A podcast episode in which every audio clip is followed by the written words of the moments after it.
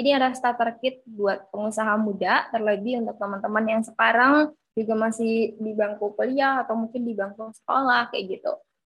Jadi um, yang pertama identify the gap in market. Nah ini benar banget kayak tadi aku bilang kita bikin bisnis kalau nggak ada marketnya itu akan sulit. Uh, maksudnya gini kita bikin sesuatu produk dan layanannya gitu, tapi nggak ada yang kita tahu mereka mau beli itu gitu, itu akan sulit. Bahkan yang kedua itu know your audience itu target kita, target bisnis kita tuh bukan semua orang gitu.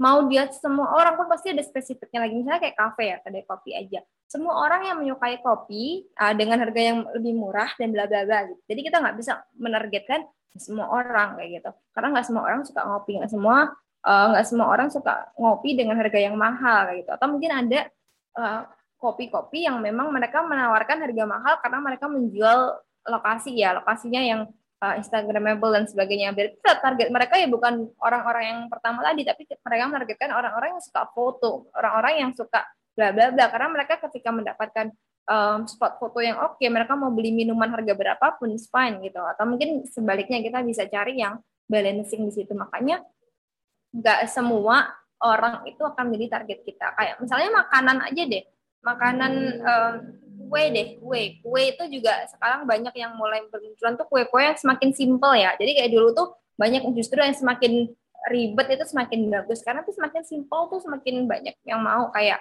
model-model Korean cake kita kalau teman-teman tahu cuma benar-benar blank doang kasih tulisan kecil-kecil gitu doang tuh ada marketnya. Ternyata itu adalah buat orang-orang yang pengen kue yang unik tapi nggak ribet dan juga dengan harga yang terjangkau kayak gitu. Jadi nggak semua orang itu menyukai hal itu juga. Makanya kenapa uh, target itu bukan semua orang. Karena ketika kita mau meriset dulu nih itu kita bisa lihat keinginan kebutuhan perilaku sama uh, sikap dari targetnya kita.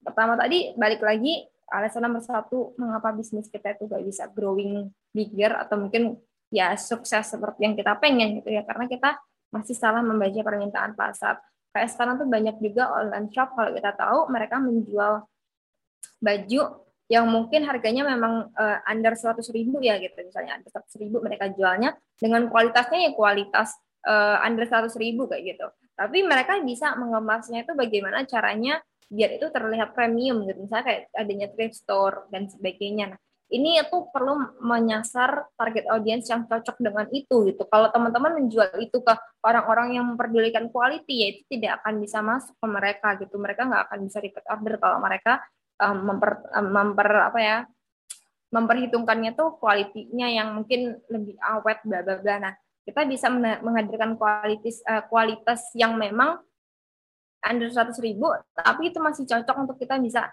uh, masih trendy, masih modern dan sebagainya. Itu adalah uh, cara kita untuk menjual produk kita ke market yang sesuai dengan target kita. Karena kalau itu nggak cocok market ya orang akan jatuhnya aduh mahal banget, aduh apa ya kualitasnya gini dan sebagainya. Itu kalau memang nggak cocok sama market kita. Bahkan kita sendiri kadang merasa ketika mau membeli sesuatu ini mahal nih gitu kan nah itu berarti bukan berarti produk yang mahal. Tapi ya dari kita bukan target atau segmen mereka gitu. Nah itu yang teman-teman juga perlu aplikasikan ke bisnisnya teman-teman. Um, next underestimate the power of solid business plan nah ini bisnis plan ini yang aku tadi bilang untuk perencanaan ya perencanaan di awal itu nggak gampang kalau kita uh, memulainya tuh ya udah apa namanya kita mulai-mulai aja dulu deh gitu. Tapi kita nggak punya basic dari apa aja. Misalnya kalau ada keadaan kayak gini kita harus kayak gimana. Dan perlu dipikirkan ya untuk risk manajemennya kalau misalnya ada uh, keadaan yang B kayak gitu kita punya uh, plan apa lagi kayak gitu. Di sini perlu adanya uh, apa bisnis plan yang yang solid maksudnya solid di sini yang teman-teman sesama satu tim itu juga memahami uh, visi misinya tuh sama gitu. Jangan sampai antar tim itu mereka masih bingung ada masih memikirkan produk yang berbeda-beda gitu. Mereka belum solid dalam bisnis plannya. Yang selanjutnya yang penting pastinya menguji ide bisnisnya. Jadi uh, kalau teman-teman udah punya uh, rencana untuk bisnis nih di bidang apa pun itu itu perlu ada pengujian gitu kan. Nanti untuk masih lihat kan ini tuh udah udah benar-benar works atau enggak. Kayak misalnya kalau untuk uh, produk-produk online shop ya atau mungkin untuk skincare dan sebagainya banyak yang kita memulainya online dulu karena mungkin masih minim cost ya. Tapi ketika kita melihat itu banyak banget marketnya atau banyak peminatnya kita akhirnya berani untuk memutuskan kita buka offline store kayak gitu. Jadi banyak yang pengen ngujinya itu ya dengan seminim-minimnya cost dulu ya mungkin dengan online kalau misalnya teman-teman mau buka F&B bisnis juga bisa memulainya dengan online open order online dan sebagainya ketika udah mencapai dari target uh, minimumnya teman-teman sendiri. Oh ini kalau misalnya udah mencapai 100 pesanan per hari aku mau uh, open offline store deh kayak gitu kan. Tuh sebagai salah satu langkah untuk protes idea itu ya dengan seminim-minimnya cost dulu gitu.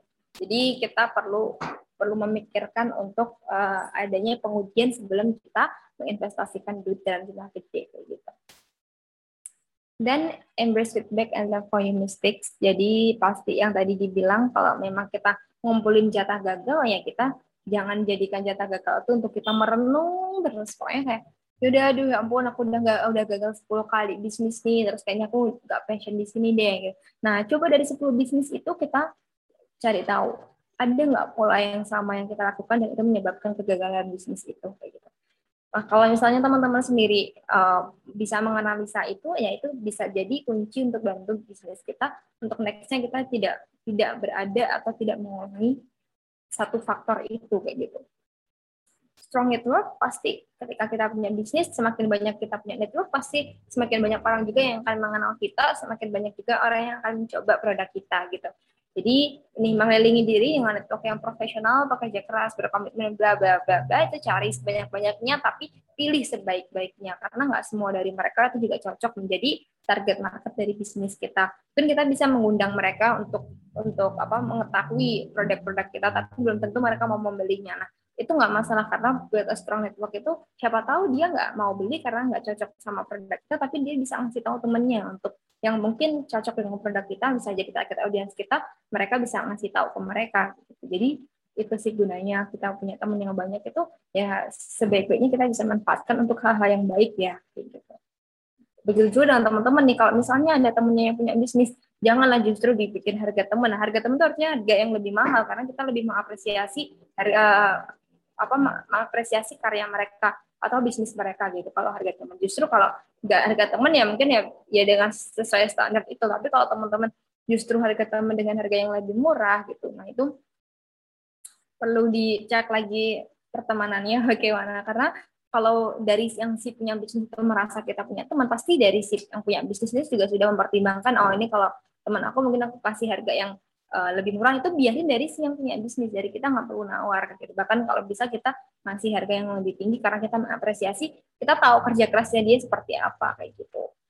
Oke okay, dan yang terakhir itu have your finance in good order. Jadi misalnya kita sekarang belum punya banyak duit pun kita bisa uh, menyisikan atau mem, apa ya mulai memanage dari keuangan itu gimana uh, kita bisa menggunakan itu untuk keperluan bisnis atau untuk keperluan hal-hal yang lain untuk investasi ke depannya. Jadi kalau punya duit sekarang, uh, misalnya teman-teman sendiri udah punya pemasukan atau mungkin belum ya, itu bisa mulai dibagi-bagi mana yang nanti untuk keperluan foya-foya atau mungkin untuk kita uh, menikmati masa muda tadi, kita, tapi ada juga yang untuk kita invest di masa yang akan datang gitu. Karena ya itu kita penting untuk apalagi kalau teman-teman udah punya bisnis nah ini perlu penting ada pemisahan duit bisnis dan duit pribadi kayak gitu karena kalau kita nggak mulai belajar manajemen dari sekarang ketika kita nanti udah punya bisnis kita akan uh, apa ya bingung gitu untuk gimana cara biar biar duitnya nggak minus biar nggak duit biar duitnya tuh bisa balance dan sebagainya gitu. jadi itu jadi poin penting dari kita